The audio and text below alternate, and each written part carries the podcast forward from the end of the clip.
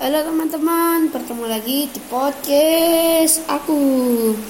Di podcast kali ini aku ingin bagi tips kepada kalian cara uh, cara memilih TV yang bagus. Nah, uh, yang pertama pertimbangkan rasio kontraks ya.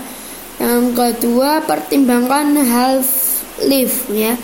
Yang ketiga pertimbangkan konsumsi listrik. Nah, ini nih konsumsi listriknya ya guys.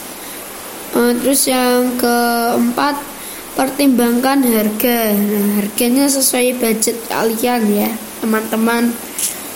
Terus yang uh, ya kelima ke enam prioritas TV bergaransi.